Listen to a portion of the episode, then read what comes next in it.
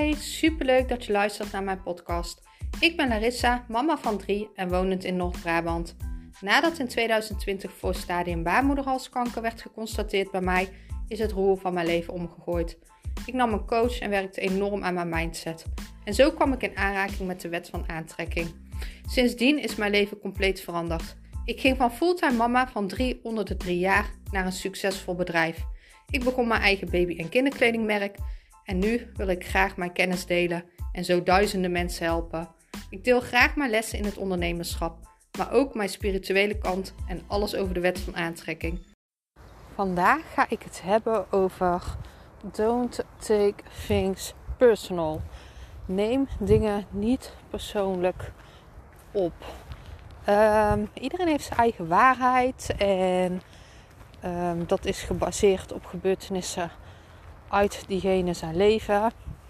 En um, de reden waarom jij dingen persoonlijk kan opvatten is vaak omdat er voor jou dan een kern van waarheid in zit.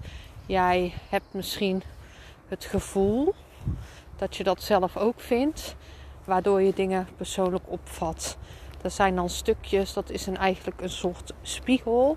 Alle mensen in jouw leven zijn een spiegel. En die spiegel laat dan zien waar er bij jou nog een stukje geheeld mag worden. Um, het is de kunst om dingen dus niet persoonlijk op te vatten. Iedereen heeft zijn eigen mening. Iedereen heeft zijn eigen waarheid. En die mening mag er zijn, die waarheid mag er zijn. En het is dan de kunst om dingen niet persoonlijk op te vatten. Je kan het ook eigenlijk zien als een, ja, gewoon als een mening. Iemand houdt van rood en iemand niet.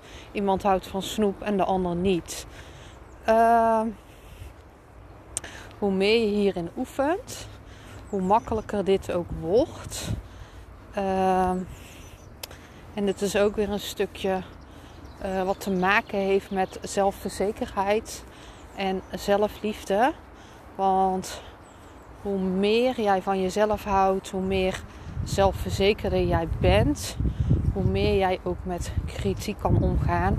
En uh, dan, dan ga je ook anders tegen kritiek aankijken. Want dan ga je dat gewoon zien als iemand zijn mening.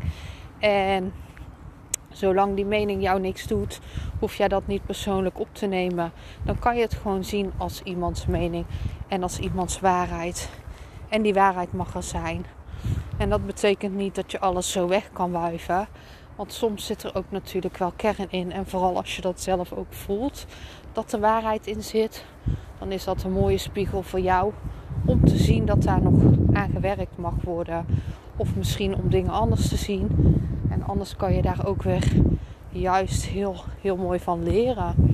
Dus mijn vraag aan jou is dan ook gelijk: zie jij dingen, pak jij dingen soms te persoonlijk op? Zie jij kritiek echt als iets persoonlijks? Of kan jij het echt zien um, als groei, als een mooie, mooie les, als verbeterpunten? Dat is misschien een beter woord. Kritiek, verbeterpunten is een mooie woord. Kan jij dit ook zo zien? Of heb je misschien nog vaak dat je dingen persoonlijk opvat? Uh, laat het me weten. Een korte podcast deze keer. Maar dit was wat er nu door me heen stroomde. En ik ben heel benieuwd hoe jij dit ziet.